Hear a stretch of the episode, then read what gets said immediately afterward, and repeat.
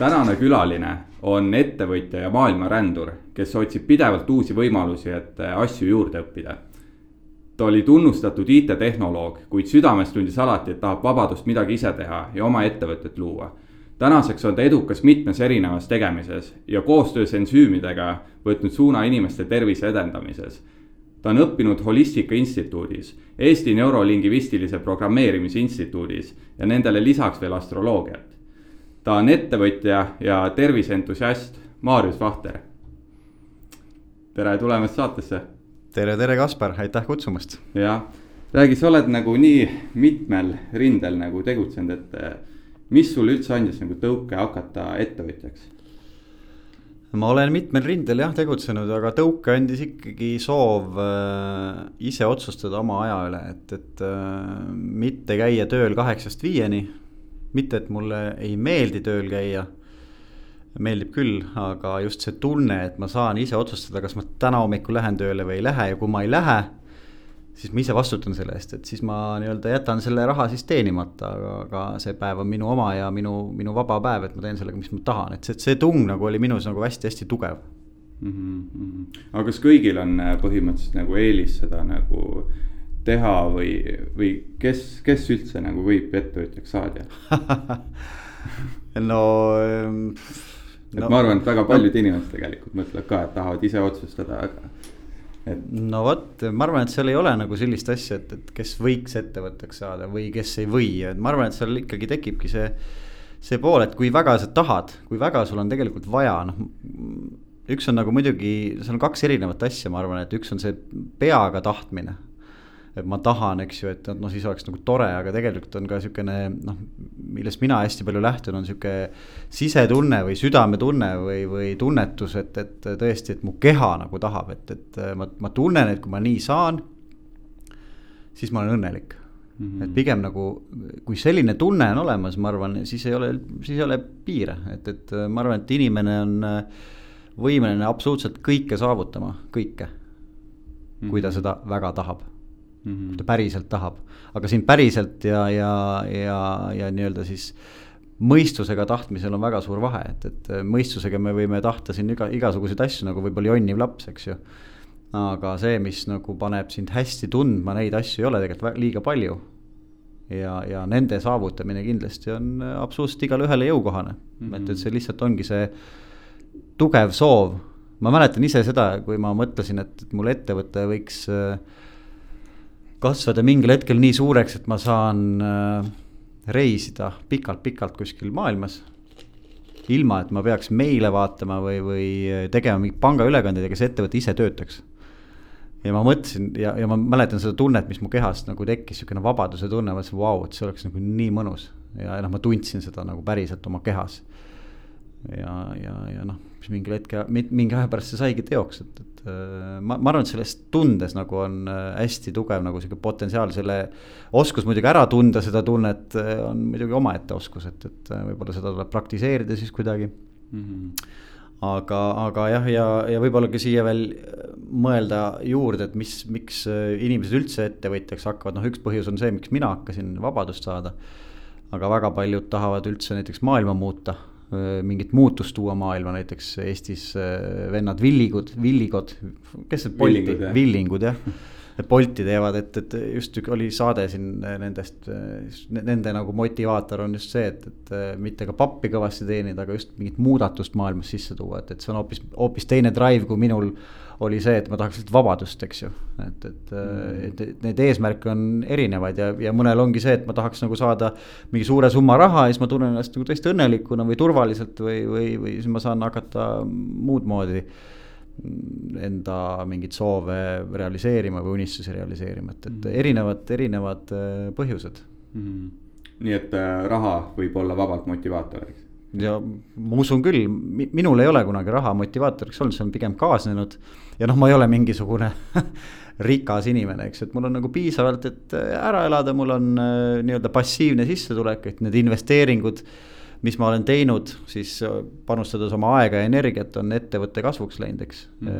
ja, ja, ja täna on see nii-öelda siis seda investeeringut nii palju tehtud, et ma elan nagu vabalt ära mm. -hmm. aga mis sa arvad, kas see nagu ettevõtja olemine, kas see on nagu DNA-s ikkagi kinni või see sõltub lapsepõlvest või elutingimustes, mis sa oled elanud kunagi või see nagu ettevõtlusega kaasneb ka ju pidev probleemide lahendus ja pidev riskimine, et. Jah, noh, ma usun, et siin ei ole sellist nagu ühest vastust kindlasti olemas, et eh, kindlasti see mõjub kõikidest, kindlasti kõik need komponendid mõjutavad.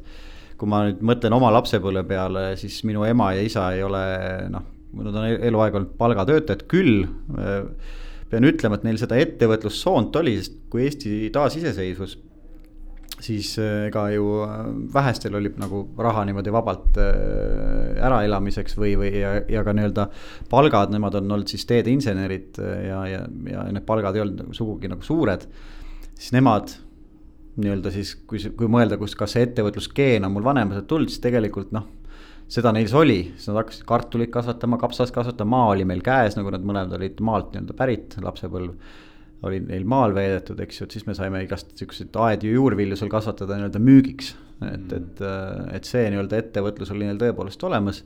küll nad ei, ei olnud kunagi sellised ähm, noh, klassikalise ettevõtja loojad mm.. aga kindlasti noh, ettevõtlus kui selline on ju tegelikult risk. ma hakkan ettevõtjaks, ehk ma tegelikult tulen palgatöölt ära, kus ma tean, et mul igal esimesel või teisel või kolmandal kuupäeval tuleb palk, kindel palk, mulle öeldakse, mida ma tegema pean. sa tuled sellelt kohalt ära.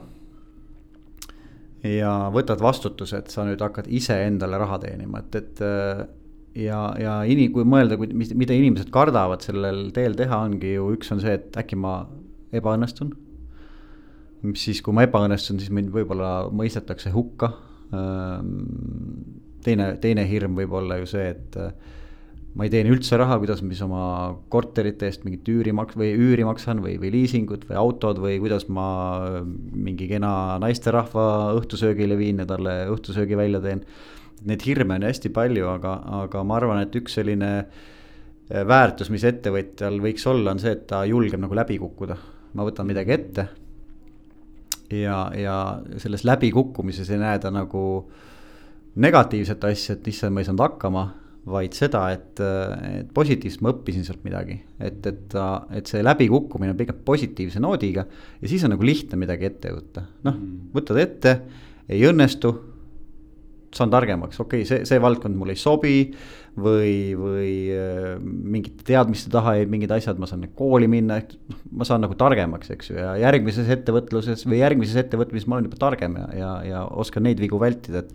ma arvan, et mingi selline, selline ähm, pool on kindlasti nagu oluline äh, ettevõtjal nagu omada läbi kukkuda ja läbi kukkuda avalikult. ja absoluutselt ja, ja mitte nagu häbi tunda selle pärast, et mm -hmm. vaid pigem näidatagi või, või saada nii-öelda seda positiivset poolt, et ma õppisin midagi sellest mm. -hmm. USA-s on ju äh, noh, palju räägitud see pool ka, et, et äh, laenu sa saad äh, ettevõtluseks siis, kui sa oled ühe firma pankrotti jäänud, sul on kogemus.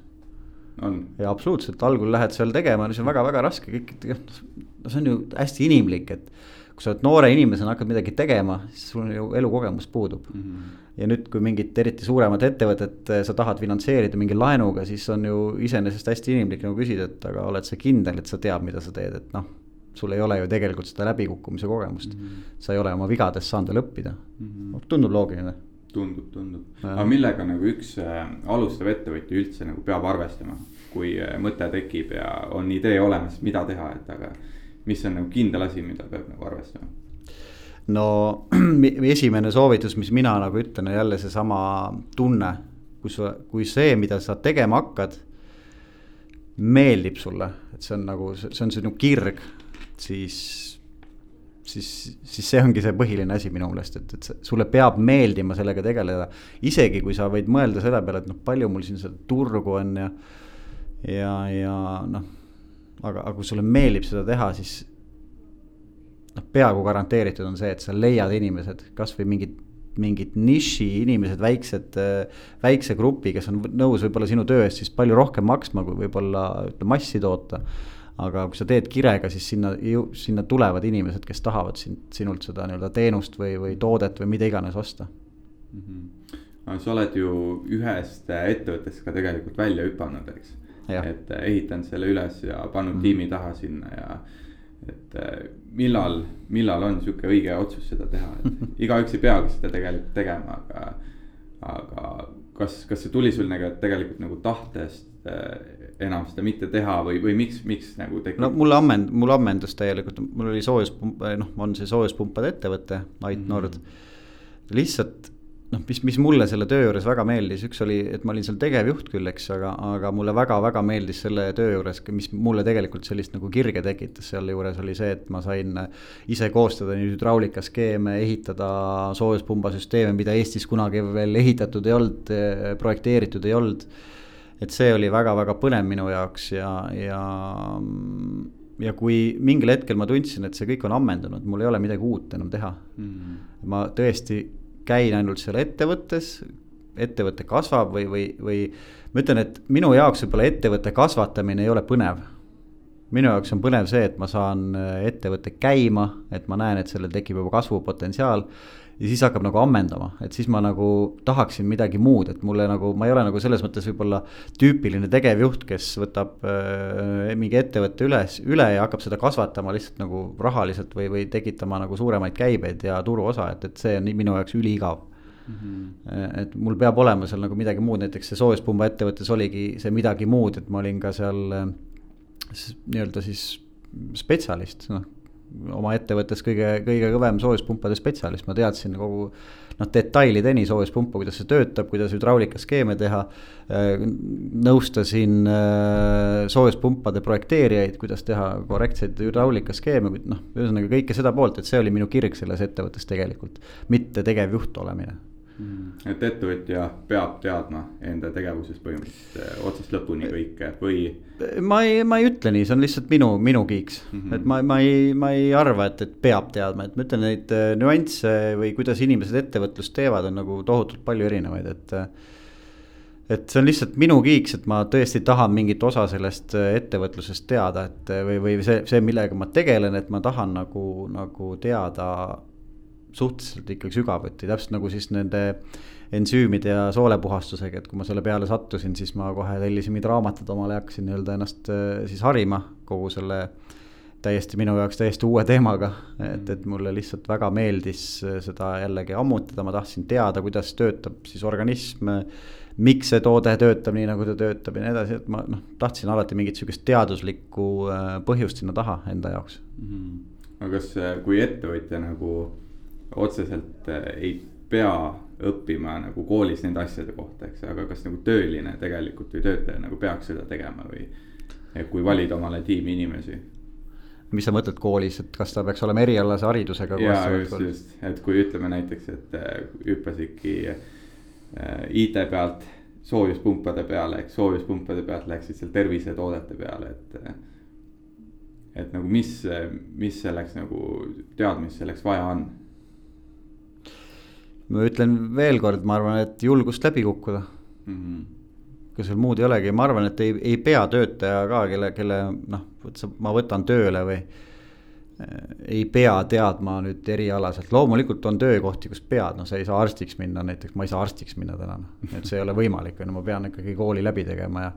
ja ma ei saa tuumafüüsikuks minna, eks ju, et, et noh, ikkagi mingi, mis vajavad väga, väga spetsiifilist nagu teadmist, noh, seal ei ole võimalik, et et sa lähed nagu spetsialistiks, kuigi ettevõtjana võib vabalt asutada mingi erakliiniku, et ma ei pea teadma seal, kuidas detailselt äh, mingisugused organid töötavad või, või mis on seal äh, verenäitude mingid tasakaalud ja see ei ole ju ettevõtjal nagu oluline, eks ju, ma võin nagu sealt seda nagu siis kaasa tudeerida, et, et lihtsalt enda nagu mm, uudishimu rahuldada või, või, või enda seda kiiksu siis rahuldada, et ma tahan nagu mingis osas ka spetsialist olla, aga ettevõt-, ettevõtte asutamiseks ju seda otseselt vaja ei ole, et. Äh, kõike saab õppida ja täpselt samamoodi töötajatega, minu, minul on nagu. pigem ma vaatan töötajaid selle, selle baasilt, et äh,. vähemalt üritan seda teha mm, alati see ei õnnestu, aga, aga kellega mul on äh, lihtsalt hea koos olla see kaheksa tundi päevas siis või noh, mis need töö, tööpäevad on. noh, me ise teeme küll siin kuuetunniseid äh, uues ettevõttes ja, ja reede on isegi sihukene pool vaba päev, et et aga, aga ikkagi pikk aeg päevast ja kui mul selle inimesega meeldib koos olla, siis, siis ma usun, et kõik on nagu võimalik, et äh, ta ei pea olema spetsialist, ta saab, saab selleks saada mm. -hmm. aga mis viis ühe IT-mehe siis äh, tervisevaldkonna juurde üldse, et kuidas see alguse sai kõik? no no jah, ma olin soojuspumbamees siis vahepeal on ju, et, et IT-mehest soojuspumbaks ja, ja soojuspumba ja siis nagu tervisevaldkonda. Äh, no enda kogemus selle puhastusega ja kuna ma olin tegelikult sihukene poolteist, kaks aastat juba tundnud, et noh, mul, mulle see soojuspumba asi ei, noh, ta ei anna mulle emotsionaalselt midagi enam. ja ma olin tegelikult vahepeal isegi suhteliselt nagu stressis sellest, et, et, et noh, ma, ma nagu teen tööd, mis mulle emotsionaalselt ei anna midagi tagasi, et jah, ta andis mulle sissetulekut, mis oli, ma olin, mille üle ma olin väga tänulik, aga, aga tahtsin nagu midagi uut. ja mul ei olnud aimu ka, mis see uus on, mul ei olnud aimu ka, mis see uus on ja kui ma lasin sellest vabaks, sellest, et ma pean igal juhul leidma, siis äh, reisides Taimaale. Kopangani saar, kes võib-olla on käinud, seal on, see on hästi kuulus full moon party'de poolest ja, ja teine pool saart on siis hästi. hästi kuulus just selline esoteerilised praktikad, seal medite-, mediteerimine, jooga, kõik, kõikvõimalikud nii-öelda. nii-öelda siis jah, sellised eso-, esoteerilised pooled, et. et võib-olla inimesed on seal siis käinud ja, ja, ja ja ka juba teavad, mis saar see on, aga mina siis seal reisisin teist aastat järjest juba. kui äh, sattusin ühele üritusele, sihukene saunaplats äh,, kus saab saunas käia, õhtul on seal siuksed lõkked veel, kus saab ümber lõkke istuda ja mõnus sihukene psühhodeelne muusika mängib ja kes teeb seal kanepit ja, ja kes kuulab seal kongi ja. ja, ja ühe tuttava Hiina naisterahvaga siis seal veetsime õhtut ja ja vaatan, et tema vaatab oma telefonist pilte. ja need pildid olid sellised ähm, nagu organid katseklaasist. noh, vaata, tead, need piirituse sees, mis pannakse, siis hõljuvad seal siuksed nagu mm -hmm. noh. Need olid nagu mingid soolestikud või mingid, noh, ma ei saanud nagu aru, mis asi need on, ma küsisin, mida sa vaatad. ütles, et see on inimese väljaheide. kuidas ta siukse kujuga on jah, et see on see puhastus, et äh, ma eelmine aasta sulle rääkisin, oota, me mehega teeme, meil on seal Hiinas on retriidikeskus ja, ja kasutame sellist nagu puhastuskomplekti ja. ja siis noh, tulebki siuksed jääkained välja. ja, ja ta lisas veel, et see on nagu ühepäevane ka ja. ja ma ei olnud kunagi ühtegi mingit detox'it või puhastust või midagi teinud elus mm. -hmm. mulle tundusid nad alati siuksed pikad ja lohisevad ja no ma olen sihuke mõnes mõttes kärsitu inimene, et, et noh, mingi kaks nädalat mingit asja teha, ma unustan lihtsalt ära vahepeal mingeid asju võtta. mis üks päev ja siuksed asjad tulevad välja, et väga põnev. küsisin, kas teil on kaasas ka seda komplekti, ütles, et on, on. leppisime siis päeva kokku tegin ettevalmistuspäevad läbi, läksin nende, nende juurde, siis nad aitasid mul kõik need segud ja värgid, noh, ütlesid, kuidas see asi kõik käib õhtul and, andsid mulle siis noh, see on tervepäevane projekt nagu, et üks päev ta võtab tõesti aega. andsid mulle õhtul korvi kaasa, ütlesid nii, et nüüd hommikul äh, tuleb häda, siis mitte ei lase potti, vaid lased sinna korvi. ja, ja siis selle sisu paned kuskile on ju noh, saad nagu laiali tõmmata, et on nagu sihuke kile sees, siis sa näed täpselt sedasama pilti, mis sa, mis ma, mis sa nagu minu telefonist nägid, on ju, et noh, sul on ta muidugi siis nagu noh, omamoodi on ju -hmm. aga sealt ta tuleb väga põnev ja, ja tõepoolest kui hommikul mul häda tekkis, siis läksin põnevusega sinna poti peale, panin korvi alla ja see tuli nagu täis, noh, see oli nagu meeter pikk, mis mul sealt seest välja tuli. ja see oli nagu, nagu no täiesti pekkis noh, ja see oli nagu noh, soolestiku kuju on ju, seal kõik need nagu äh, jäme sooles on sellised nagu soolekurrud, eks ju, või noh, siuksed nagu paunad. see on seal kõik näha ilusti, tõesti toob välja mingit rasva ja mingit mustust, noh kõik oli seal sees ja pluss see see nagu pärast seda, kui see kõik mult välja tuli ka, et, et see nagu sihuke kergustunne nagu oleks äh, tükk aega vee all olnud, eks ju, ja tunned, et hapnik hakkab otsa, siis tuled sinna vee peale, siis ah, hea tunne nagu tõmmata, täpselt samasugune tunne tekkis veel mm. -hmm. ja, ja, ja, ja noh, siis mitme päeva jooksul tuli seda väljutust ja, ja ma ja see enesetunne või, või see efekt oligi mul selline, et, et ma nagu mõtlesin, et vau wow,. et ma tahan oma sõpradega jagada seda aga ma nägin ka, et see on nagu mingi hullult võimas asi, et kurat, et ma ei tea, kas ikka sobib kõigile ja nii edasi ja nii edasi, aga siis ma ikkagi otsustasin äh, selle siis Eestisse tuua. lihtsalt katsetada vaadata, et mis, kuidas mu sõbrad nagu, et äkki ma olen see ainuke rumal, on ju, kellel, kellel see töötas või, või äkki mul oli mingisugune sihuke platseebo efekt, et ma olin seal Kopangani saarel, tegin joogat, kõik mingi oo, mingi laulmine, kakao, eks ju, et, et äkki see on kõik, kõik kuidagi selline nagu seotud.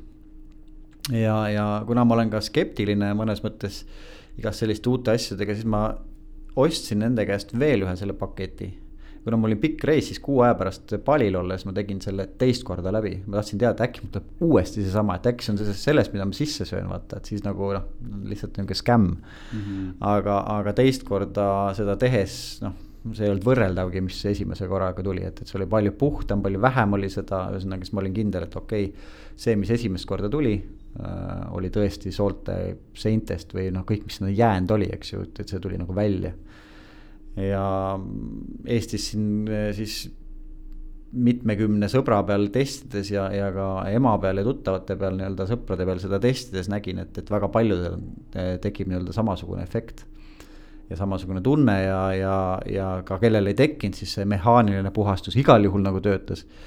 Ja siis ma otsustasingi, et okei okay,, et see, see, toode on nagu ilmselt väärt proovimaks teha äri sellest ja, ja ettevõtlust ja, ja, ja siis ma lendasin äh, Taiwan'i tehasesse, seda toodetakse Taiwan'is.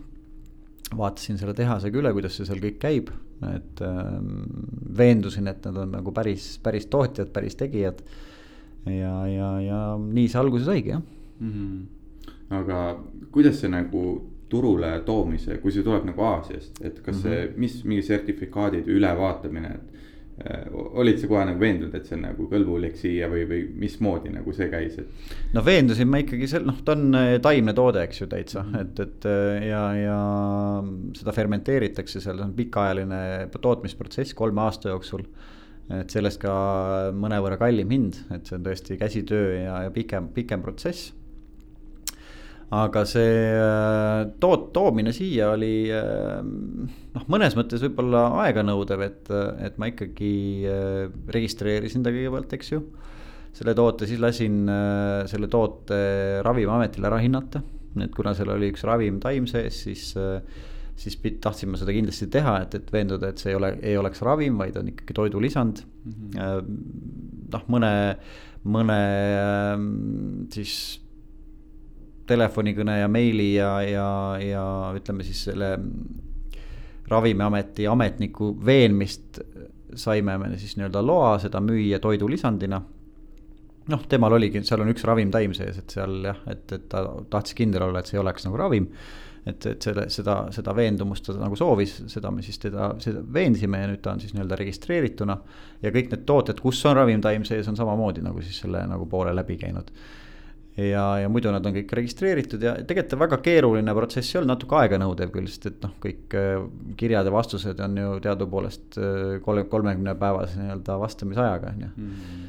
et, et sellised toimingud ma tegin kindlasti ära, sest ma nägin, kui palju see inimese tervist võib nagu mõjutada.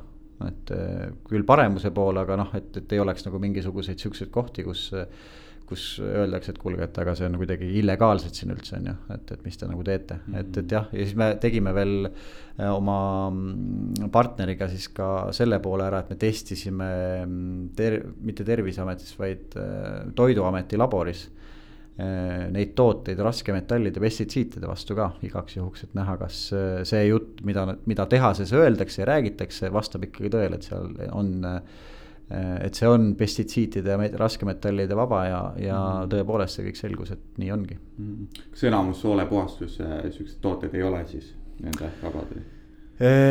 no vot, seda ei oska nagu öelda, aga väga paljud väga, maailm on nagu väga saastunud ja ka Toiduameti laborant ütles mulle, et noh, kindlasti midagi me siit leiame.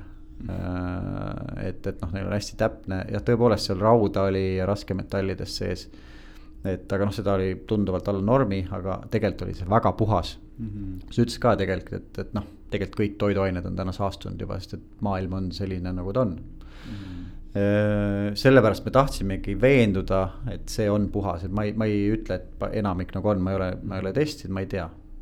Aga, aga et see, mis meie pakume, on puhas toode, et sellepärast me seda testi siin eraldi tegimegi mm. aga too hetk siis seda ei olnud siin üldse turul, eks? ei, seda ei ole Lääne-Euroopa turul üldse enne seda, kui me siis Eestisse seda tõime ja noh, tegelikult nüüd ta on. isegi USA-s või kuskil niimoodi ka?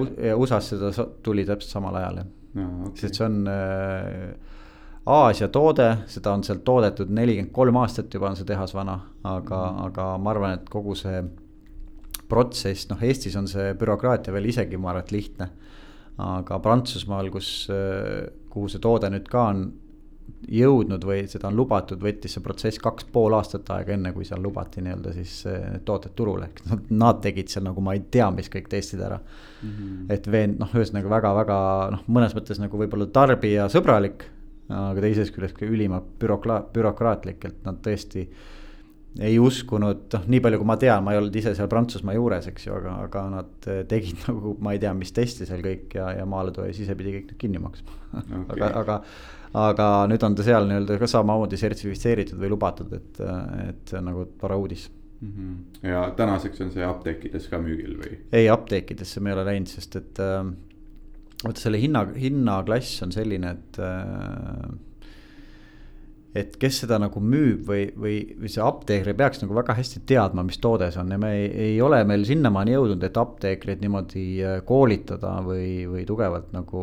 siis selle tootega kurssi viia. et me oleme, küll kasutame selle toote müümiseks enda kodulehte muidugi aga ka lihtsalt terapeute, kes siis nii-öelda on näiteks mingid äh, lümfiterapeudid või, või Hiina meditsiiniarstid või noh, niimoodi nii-öelda seda, sedakaudu turustame, pluss noh, mõnedes Eesti kettides on ta näiteks ka samamoodi saadaval. Mm.. aga milles see koosneb siis, et ainult ongi taimed või?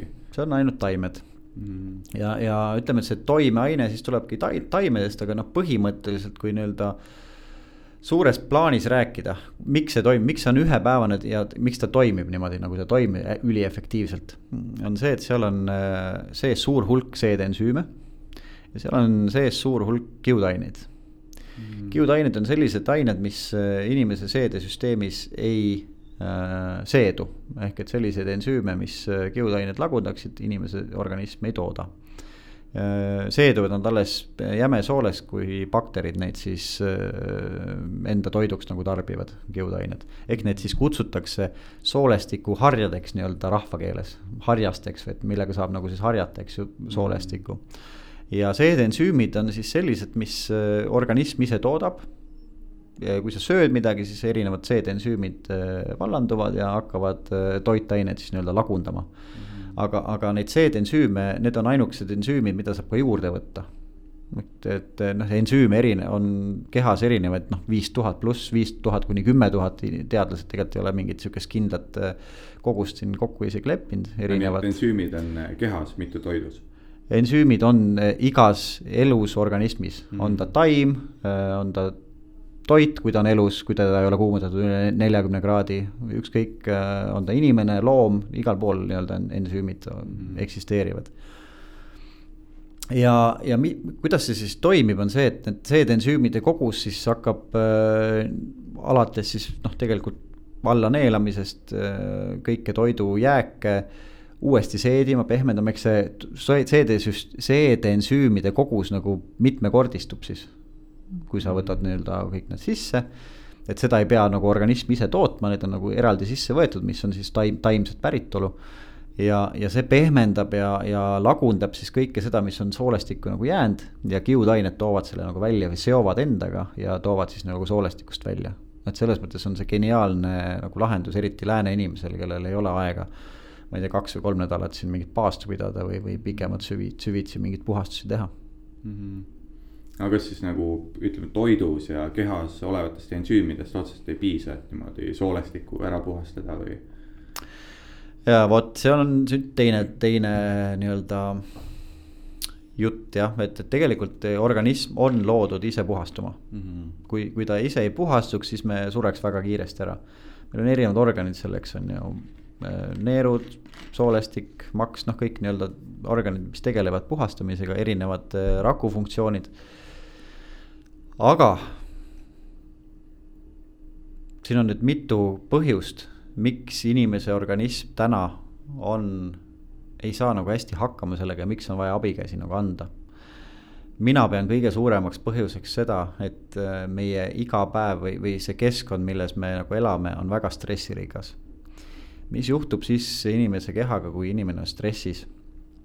Äh, on selline tore närv inimese süsteemis nagu äh, uit närv, nervus vagus, mis siis nii-öelda reguleerib inimese valmisolekut, kas olla võitle või põgene äh, funktsioonis või siis rahulikult nii-öelda seedi funktsioonis, seedi toitu funktsioonis aga see keskkond, kus me oleme, me loeme pidevalt häirivaid uudiseid, meil on mingid konfliktid siin, kas vaktsineeritud, vaktsineerimata inimesed on teise, teise peale kurjad, eks ju, noh, pidev sihuke stressifoon. kas mul on, kas ma saan palga õigel ajal kätte, kas mul on piisavalt, et äh, laen ära maksta äh,? kurat, naabrimehel on ägedam maja või ägedam auto, ma tahaks tegelikult ka sellist, sest muidu ma tunnen ennast ebapiisavalt ähm,. seks on naisega halb ähm, ma ei tea, naine on stressis, sest lapsed karjuvad kodus, see tekitab pidevalt, äh, pidevalt sellist stressi, mis tähendab seda, et äh, närvisüsteem on pidevalt sümpaatilises olekus. ehk ma olen pidevalt selles kohas, kus äh, ma olen valmis ründama, põgenema, kogu aeg olen stressis. mis tähendab seda, et siseorganitest viiakse hästi palju verd jäsemetesse, pähe, aiu ja ja siseorganid, mis siis peaksid tegema seedimisega, keha puhastamisega, äh, mürkainete väljaviimisega, lihtsalt ei saa nii palju energiat, kui neil vaja oleks. ja see hakkab siis nii-öelda kumuleeruma ja mingil hetkel noh, lihtsalt see kõik see jama kogunebki mm -hmm. nii-öelda seedesüsteemi või siis maksa või siis neerudesse, ühesõnaga tekivad neerukivid, maksa või sapikivid, soolestik äh, nii-öelda ummistub mm. -hmm sellele ei aita üldse kaasa see, et, et siis me sööme ebatervislikult. me sööme liiga palju rasva, rasv maitseb meile. aga, aga rasv, kui, äh, mis nii-öelda rasva lõhustab, on sapp. aga kui rasva on liiga palju, siis sappi lihtsalt ei tule nii palju, siis rap-, sapp või see rasv läheb mööda soolestikku edasi.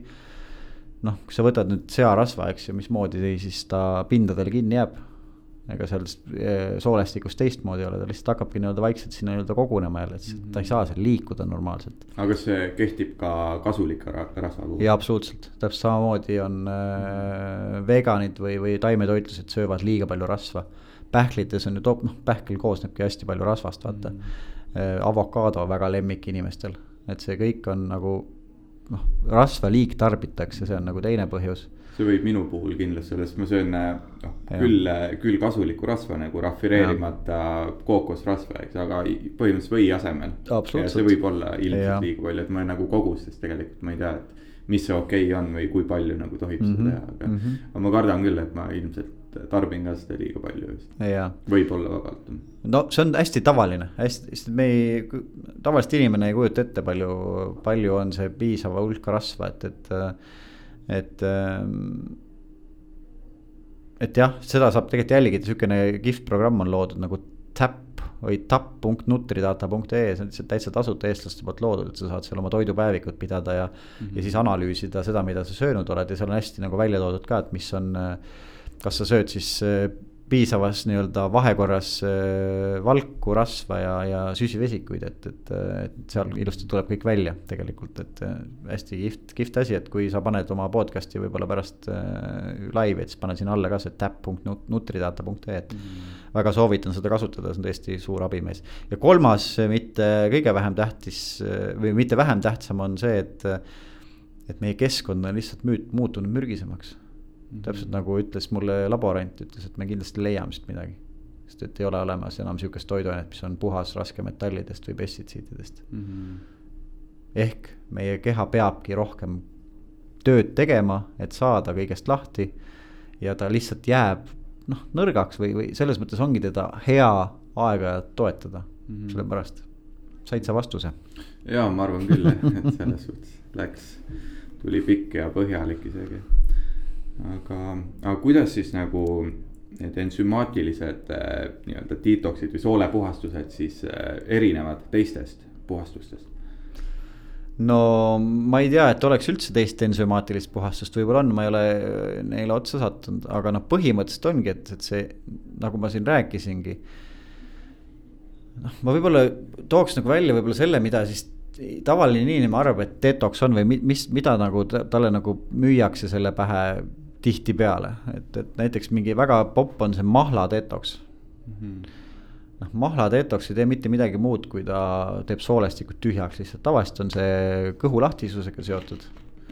et kui kõht läheb tühjaks eh, või soolestik läheb tühjaks, inimene noh, tõepoolest tunneb nagu sihukest ka energia kasvu, aga noh, tegelikult ta sooleseintest ja sealt nii-öelda sihukest jääkaineid välja ei too.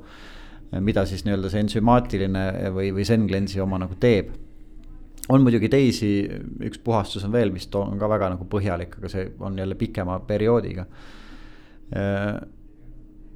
et, et kõik, mis on nagu kõhulahtisti lihtsalt, ei ole päriselt detox, on lihtsalt kõhulahtisti mm. -hmm. et sama hästi sa võid juua halvaks läinud piima, et ja öelda, et see on detox, et see ei ole. Ütleme siis nii, et, et, et teatud puhastuses või teatud puhastust läbi tehes saad sa veenduda, et see päriselt toimis. sa saad vaadata füüsiliselt, mis sul välja tuleb maksapuhastusest näiteks tuleb maksaliiva, osad tuleb mak-, või mitte maksaliiva, sapiliiva. osad tuleb sapikive välja, et sa saad nagu veenduda, et see noh, töötab. kui sa jood mingit sapiteed kaks nädalat, noh siis tegelikult sa ei tea noh. sul võib-olla läheb natuke mingid näitajad paremaks, kui neid on võimalik mõõta, võib-olla mitte. aga mulle mehena oli see nagu ülioluline, ma päriselt saingi vaadata, et see töötab. Ja, ja selle ensümaatilise Senglens äh, puhastusega sa saad selles veenduda, et mehaaniliselt puhastus töötab ja sa oled saanud sita välja oma organismist. Mm.. et teised põhimõtteliselt äh, teevad nii-öelda soolestiku sees puhtaks, aga see ensümaatiline siis ta imendub läbi soolestiku või mismoodi see? no ta noh, see ensümaatiline pehmendabki kõik selle jääkaine, mis on sooleseinte külge sattunud mm. ja, ja see tuuakse nagu välja, teine teeb lihtsalt kõhu lahti, täpselt nagu kõhulahtisus, eks ju, et ta toob selle nagu lahtise osa kõik sealt välja aga ta ei pehmenda mitte midagi. ei, ta ei tee jah, ja, ja, ja. aga muidugi pikk veepaast täpselt samamoodi toob kõike välja, ütleme seal äh, kümme, kaksteist, neliteist päeva juba veepaast on ka väga-väga põhjalik puhastus okay.. kaks-kolm päeva noh, see, see on, annab jälle mingi boost'i sulle vaata, aga ta ei, tegelikult ei, ei äh, puhasta sul soolestikku niimoodi jääkainetest jah, või, või teisi organeid. muidugi ta, paastu ma, see ei ole küll reegel, mida nüüd kõigile siin kuulutada, aga, aga kui paast sobib, siis seda on aeg-ajalt ikka väga mõnus teha mm. -hmm. ta annab nagu siukse hea energia ja, ja noh, kahjulikke tagajärgi paastuga on noh, need on ikka väga harvad ja väga teatud inimesed ei tohiks seda teha, eks, aga seda, seda peab juba siis perearstiga juba konsulteerima, et mina ei ole siin inimene, kes seda soovitab või mitte. jah, ma olen teinud äh, viiekümne, viiskümmend tundi paastu Aha, ja mm -hmm ainus asi, mis selle ära rikkus, oli see lõpuks, et eh, noh, mis selle nii-öelda tegi kahjulikuks, oli see, et ma ei söönud mingi kuu aega pärast seda hommikusööki enam mm. -hmm. mul ei olnud isu nagu enam nagu mm -hmm. süüa hommikusööki mm. -hmm. Aga, aga põhimõtteliselt see soole puhastus siis ensümaatiline, kas ta siis puhastab tegelikult kogu organismi või et nagu no. kui, kui ütleme fasting ju Äh, tekib see autofaagia nii-öelda moment. absoluutselt. Mm -hmm. et äh, kuidas see, seda võrreldes nii-öelda ja samamoodi me olemegi teinud ka selle puhastusega niimoodi, et on äh,. üks päev on siis võtad selle kõik, mis seal sees on, võtad sisse, sul mingisugust kõhutühjust või tühja kõhu tunnet ei teki, sest seda on tegelikult palju, sul kõht on tegelikult füüsiliselt täis, tunned mm. -hmm ka kõige skeptilisemad inimesed on öelnud, et tegelikult seda on päris lihtne teha, et, et ähm, noh, tõesti ja, ja oota, tuleta mulle meelde, mis sa, mis sa mul, kus et, ma hakkasin. kas ta puhastab kogu organismi? aa ah, jaa, just, just. soolestiku puhastamine on selles mõttes nagu väga, väga tark tegu. Et kui soolestik on puhas.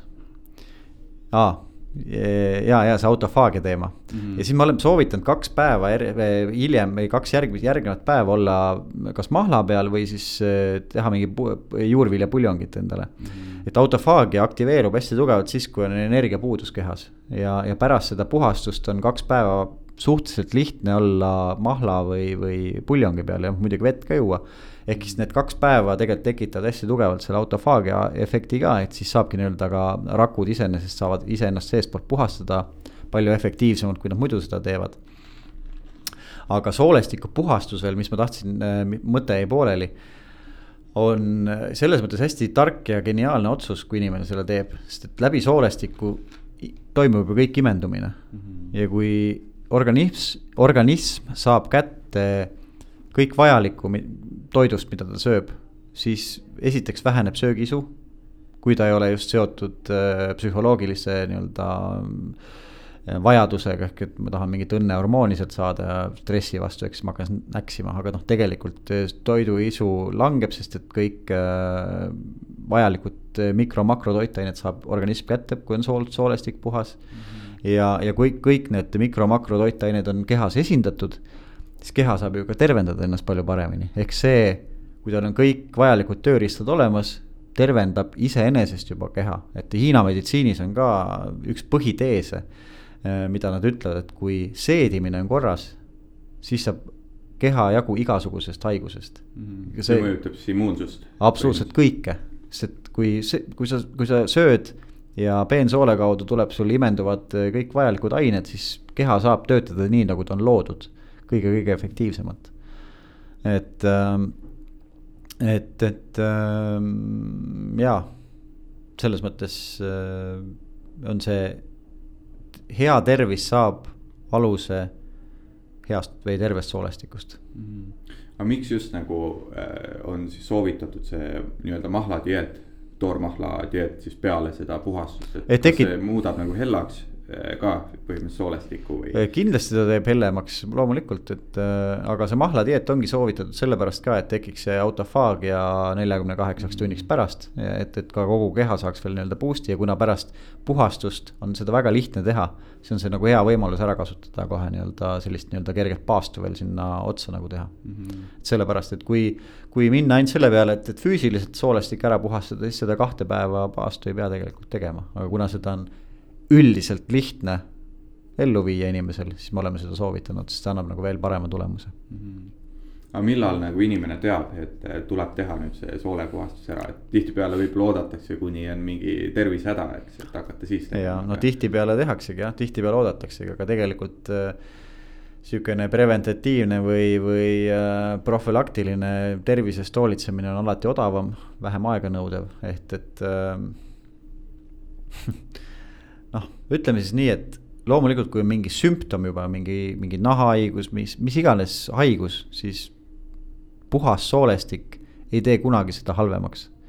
nagu ma ütlesin, kui on puhas soolestik, siis keha saab omale rohkem paremini aineid, mis imenduvad ja ta saab paremini võidelda selle haigusega mm.. aga noh, ei ole sihukest asja nagu millal, et, et mina arvan, et, et sellist nii-öelda tervislikku käitumist äh, iga endast, enda nagu tervisest vastutav inimene võiks teha aeg-ajalt mm. -hmm. ja, ja kui tihti, võib-olla see järgmine küsimus, kui tihti mm, -hmm. siis, siis pigem nii, et, et kui pärast seda esimest puhastust hakkas parem, siis võiks teha võib-olla aasta pärast uuesti või poole aasta pärast kui vahet ei olnud, noh siis võib võib-olla kolm-neli-viis aastat vahele hoida, et siis nagu uuesti teha mm. -hmm. ehk et, et kui see puhastus teeb su enesetunde paremaks, siis järelikult oli sellest tolku, kui ei teinud noh, siis vähemalt tuli sealt mehaaniliselt see kõik see värk välja, oota viis aastat või neli aastat, siis tee uuesti. järelikult sa oled nagu hästi toitunud ja, ja, ja korras. Mm.. ma olen ühel inimesel ainult näinud, kellel tuleb äh, välja põhimõtteliselt see, mida ta sisse sööb. ja see oli üle kuuekümne aastane mees, kes ongi eluaeg tegelikult teinud igast paaste, värke nii-öelda vahel, vahelduva eduga väga tervislikult elanud, et enamikul tuleb alati sealt mingisugust värki, mida, mida ta ei kujutagi ette, et mis seal nagu olnud on. Mm seda on põhimõtteliselt võimalik ka nii testida ju, et teed enne paastu näiteks. paar ja. päeva, et soolestik täiesti tühjaks ja siis. jah, jah, saab ja me isegi soovitamegi ju, et see oleks nagu võimalikult efektiivne, ongi see mm -hmm. kaks ettevalmistuspäeva. et süüa võima- äh,, kiirelt seeditavaid asju mm, -hmm. vältida liha, nisu ja muna. et, äh, et kõik see, mis siis kaks päeva enne sisse süüakse, et see saaks ka võimalikult siis nagu välja, et, et mhm. tõesti need ensüümid hakkaksid äh, töötama äh, just selle soolestiku katu peal, et, et ja sealt tuleb alati midagi mm. -hmm. jah, aga mis on äh, suurim äh, müüt, mida sa soolestiku puhastamisega oled kuulnud, mis räägitakse? müüt siis äh, üleüldiselt või? jah no üleüldine müüt ongi see, et soolestik saab, et detoksi või need tavalised mingid tee detoksid ja, ja, ja need, mis kõhtu lahtistavad, et need hoiavad soolestikku, teevad puhtaks, et need teevad tühjaks, et see, nad ei tee puhtaks mm. -hmm. Nad teevad soolestikku tühjaks, et seal on kaks täiesti erinevat asja mm. -hmm ega ma ei, ma ei teagi, mis see, mis see suurem müüt veel võib olla mm,. jah, et võib-olla see müüt ka, et, et noh, sellest ei ole tolku. Et äh, meil ju keha puhastab iseennast, et, et äh, olles nüüd kolm aastat kokku puutunud sellega ja näinud, mis inimestelt välja tuleb äh,. võin ma kinnitada, et see ei ole nii, et inim-, keha ei saa sellest ise jagu mm. -hmm. Ähm, siin ilmselt äh, lääne meditsiini arstid siis vaidlevad vastu, aga, aga, aga Hiina meditsiiniarstid on ilmselgelt äh, me, meie poolel mm. -hmm. et ähm, no ma muidugi üldistasin praegu jällegi, et ma ei taha siin liiga teha kellelegi. aga kas see on äh, võitlus siis põhimõtteliselt Hiina meditsiini ja lääne meditsiini vahel või? no paraku on võitlus jah, et äh, tegelikult on kurb näha seda võitlust, tegelikult võiks olla koostöö rohkem, aga, aga noh. samas jälle ei, ei saa nagu öelda, et, et see ei ole paremaks läinud, et mm. -hmm et, et äh, minu siis partner Rene Pürkland, ma tean, teeb siin koolitusi, tellitakse teda näiteks haiglatesse koolitama ja, ja. ja, ja, ja võib-olla, kui ma räägin natuke ka seda poolt, mida, kuidas mina näen, et see koostöö võiks olla, siis Hiina meditsiin tegelikult õpetab inimest tervelt elama. Lääne meditsiin sekkub, võiks sekkuda siis, kui äh, inimene ei ole tervelt elanud, et tal on kas noh, loomulikult mingi trauma noh, siis Hiina meditsiin, mida ta oskab teha, on ju, luu, lahtine luumurd on või mm. -hmm. või mingi süda hakkab seisma jääma, eks ju, et noh, siis on lääne meditsiin super, super vinge. aga, aga tegelikult Hiina meditsiini järgi võiks, võiks siis enam, enamik äh, inimesi elada tervelt hästi-hästi pikalt ja siis tulla lääne meditsiin appi, kui on tõesti hädaolukorrad mm. -hmm. et noh, aga, aga noh, muidugi me võime siin spekuleerida, miks see nii ei ole, ilmselgelt on siin vahel kapitalism ja raha mm. -hmm et, et ilmselgelt huvigrupid ju, kes toodavad mingit ravimit või noh, see on ju nende äri. Tahavad ju seda ka müüa, et, et kui sa mõtled nüüd ettevõtjana, et kui sa oled mingi äri püsti pannud, siis sa ju tahad, et see toodet nagu müüakse. isegi kui eetiline on ju mõelda, et noh, tegelikult oleks tore, kui seda toodet enam ei müüda, sest inimesed on terved. aga see on sinu äri ja sinu sissetulek, et, et see on nagu täiesti inim-, inimlikul pinnal mõistetav, miks, miks siis farmakoloogia nii-öelda kogu see ravimitööstus soovib, et järjest rohkem nende tooteid äh, tarbitakse. noh, mhm. üliloogiline kapitalistlikus ühiskonnas mm. -hmm. ja, ei see kogu see nagu see seedesüsteemi asi, et see on nagu ja. väga, väga, väga põnev ja. ja no ma usun jah, selles suhtes kogu see toitumine ja kõik nagu mõjutab ju igapäevast heaolu ja kõike. aga palun ongi siin viimased mõned küsimused veel, et äh, mis on äh, viimasel viiel aastal, milline uus harjumus või käitumine on muutnud su elu? jooga on muutnud mu elu kindlasti, et jooga avastamine minu jaoks või arusaamine sellest, miks joogat tehakse, muutis mu elu hästi tugevalt mm. -hmm. aga miks seda tehakse teeme, teeme vol kahe või ähm, jooga on, äh, ütleme nii, et ma olen aru saanud, et enamik inimesi arvab, et jooga on lihtsalt selline võimlemine. nüüd ma muidugi lähen siin esoteerika valdkonda, aga jooga ei ole ainult võimlemine, jooga on ka mõnes mõttes mediteerimine, mis, mis rahustab su meelt. teiseks on jooga, jooga kui selline sõna tähendab ühe, üheks saamist või, või, või ühisust. aga seda on mõeldud siis iidses Indias, kus jooga pärit on, see, et me saame üheks universumi energiaga. ehk et see mõte, et äh, nii nagu taevas, nõnda ka all, ehk et me, me kõik replitseerime nii-öelda lihtsalt suuremas mastaabis seda oma, oma, oma olemust, eks ju, et nagu sa hakkad kõige väiksemast osast võtma, jõud, jõudes universumisse, siis tõenäoliselt me toimime, need toimemehhanismid on sarnased ja jooga siis ütlebki, et annab võimaluse nii-öelda keskenduda siis mingile teatud sagedusele või energiale, mida sul nagu vaja on näiteks enesekindlust või, või loovust või mida iganes ja tehes siis nii-öelda neid poose või assanaid, nagu neid seal nimetatakse. saad sa tegelikult seda endasse juurde ammutada lihtsalt sellega, et sa teed mingeid harjutusi hommikuti mm. -hmm et sihuke enese teadvelolek põhimõtteliselt. teadvelolek, aga, aga, aga ka väga tugev tööriist, näiteks ma tahan enesekindlust juurde saada, ma võtan oma kaks-kolm joogaharjutust ja teen seda näiteks kolm nädalat. ma tunnen lihtsalt ja mitte mina ainult ei tunne, vaid eh, kui ma saabun ruumi, siis inimesed vaatavad, panevad tähele mingi, oo, kust see tuli, ilma et midagi isegi ütleks. ja see töötab kõigi peal, kes, kes vähegi nii-öelda usuvad sellesse, on üks asi, aga kes nii-öelda praktiseerivad, tegelikult ei peagi uskuma, aga noh, üldiselt kui me ei usu, siis me ikka ei praktiseeri, on ju. Või ma tahan olla loov, ma tahan, ma ei tea, ma tean, et mul on äh, mingisugune suur saat-, asi vaja seal äh, ära juhtida kuskil suure auditooriumis ja ma tahaks sihukest nagu loovust või mis iganes. teen mingit kindlat harjutust jälle. mingi aja jooksul ja see lihtsalt avaneb, sa tunned, kuidas sul hakkavad paremad ideed tulema. Mm.. ja pluss loomulikult see keha nii-öelda pool, et, et sul keha oleks terve ja, ja energia voolaks ja, ja ei jääks kuskilt haigeks aitab see joogaharjutused nii või teisiti kaasa, aga seal on palju-palju rohkem kui lihtsalt see võimlemine, et, et see muutis minu äh, suhtumist või arusaama joogasse ja see on mind väga palju aidanud viimase viie aasta jooksul mm. -hmm.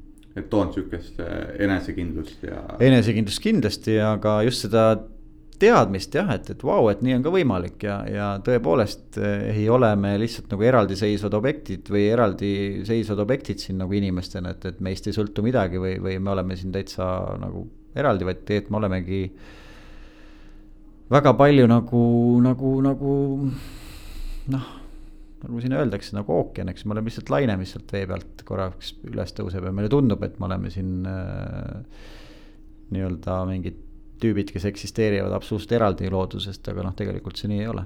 -hmm. ja, ja selline nii-öelda teadmine, kui see on kehasse jõudnud, siis, siis see on hästi suur muutus mm. -hmm jah äh,, mis raamat on, mida sa korduvalt loed või oled kinkinud kõige rohkem ja miks? mul on mitu raamatut. Äh, kõige rohkem ilmselt ma olen kinkinud Tõelise mehe teed sõpradele. David Teida on see autor, oled sa kuulnud sellest raamatust, ei ole?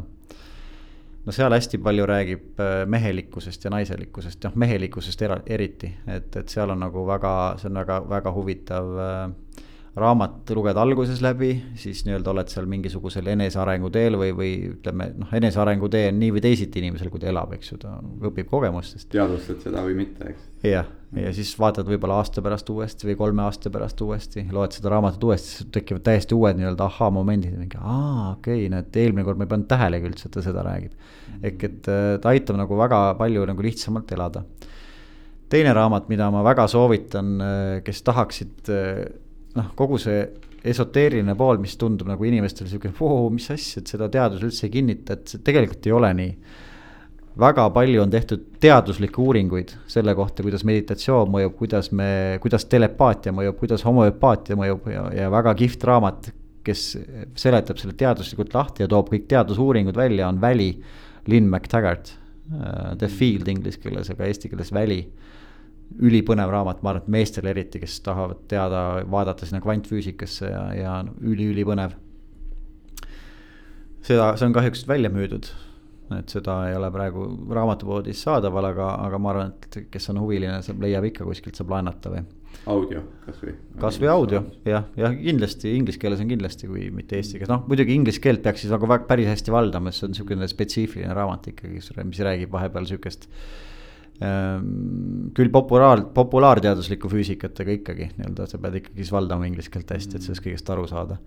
ja kolmas äh, raamat, mis ma välja tooks, on äh, Osho, on ähm, ka India filosoof ja väga nagu tuntud inimene siin äh, eelmise sajandi, üks, üks võib-olla rohkem mõjutanud inimesi või üldse selliseid nii-öelda äh, joogisid või, või filosoofe, eks ju, ja tema raamat Hirm äh, on väga palju mind mõjutanud või aru saanud, aru saama pannud, et miks meil on, miks meil tekivad üldse mingisugused äh,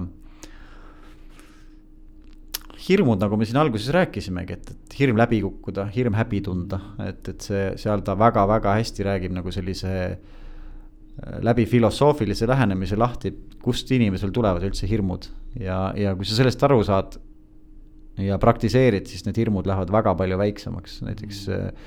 näiteks viis aastat tagasi, kui ma oleks tulnud siia podcast'i, ma oleks nagu ikka väga endast väljas olnud, ma arvan, et ma ole, oleksin äh, pudistanud ja noh, ühesõnaga võib-olla jätnud rääkimata kõik, mida ma oleks tahtnud rääkida, aga täna ma tunnen ennast vabalt.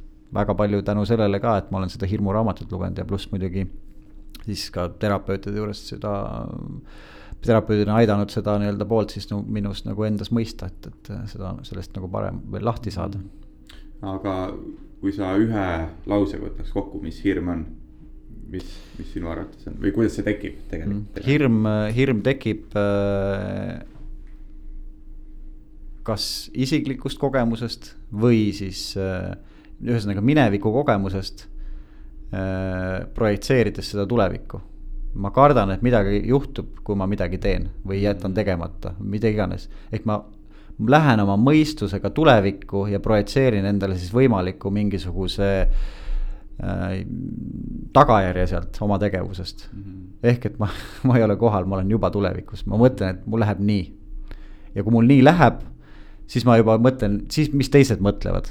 ehk siis see on pidevalt, pidev tulevikus olemine ja, ja etteplaneerimine ja kontrolli omamine või et sa tahad nagu kontrolli all hoida kõike ja siis tihtipeale, mis inimesed teevad. Nad loobuvad sellest, hoiavad eemale või siis proovivad sättida välist keskkonda nii, et, et see mm, nii-öelda võimalik stsenaarium kuidagi teoks ei saaks, eks sealt need hirmud kõik tekivadki. ja siis sa toidad seda. absoluutselt, absoluutselt ja, ja, ja, ja teadvustamata, sa tegelikult mõtled mingi stsenaariumi peale, mis tegelikult ei ole mm -hmm. juhtunud. aga sa, aga kuna sul on minevikus mingi kogemus olnud, siis alateadvus hakkab sulle seda ketrama, kuule, sul ühe korra läks nii oled sa kindel, et sa tahad seda teha või? äkki sa peaksid nüüd mingid siuksed asjad ära muutma, vaata, et see on nagu. kõige vähem on see nagu kohalolu, millest kõik räägitakse, et, et ole siin ja praegu, on ju. hirm ei ole siin ja praegu äh, olekus nagu noh, teda ei saa eksisteerida mm. -hmm. aga kui sa võtad, võtad need kogemused, mis sul on olnud ja paned need tulevikku, siis tekibki hirm mm -hmm. ehk projitseerid oma selle tulevikku mm. -hmm. jah, et enne kui äh, lõpetame, siis ütle, kus äh, inimesed saavad osta neid maksa soolepuhastusi no seda saavad nad osta meie kodulehelt näiteks www.zencleans Z.ee, Z-iga algab, Z-iga lõpeb, Zen Glens on ta tegelikult õigem hääldus mm. -hmm. aga eestlastele meeldib Zen Cleans öelda nende kohta, et jumala eest. siis saavad nad osta meie edasimüüjate käest, kes on meil ka kodulehel olemas, välja, välja pandud.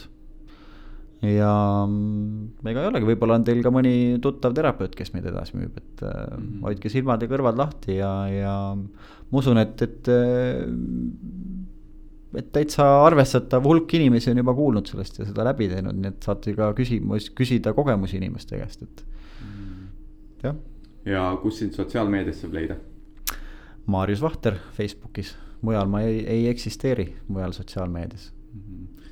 kui sind mäletatakse ühe asjaga seoses, siis mis see oleks ja miks?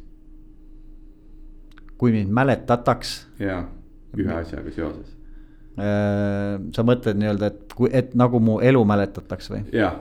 okei okay.. jah, kui üks, üks asi, et äh, mis see oleks? ma tahaks või tore oleks, kui, kui minu eksistents või minu,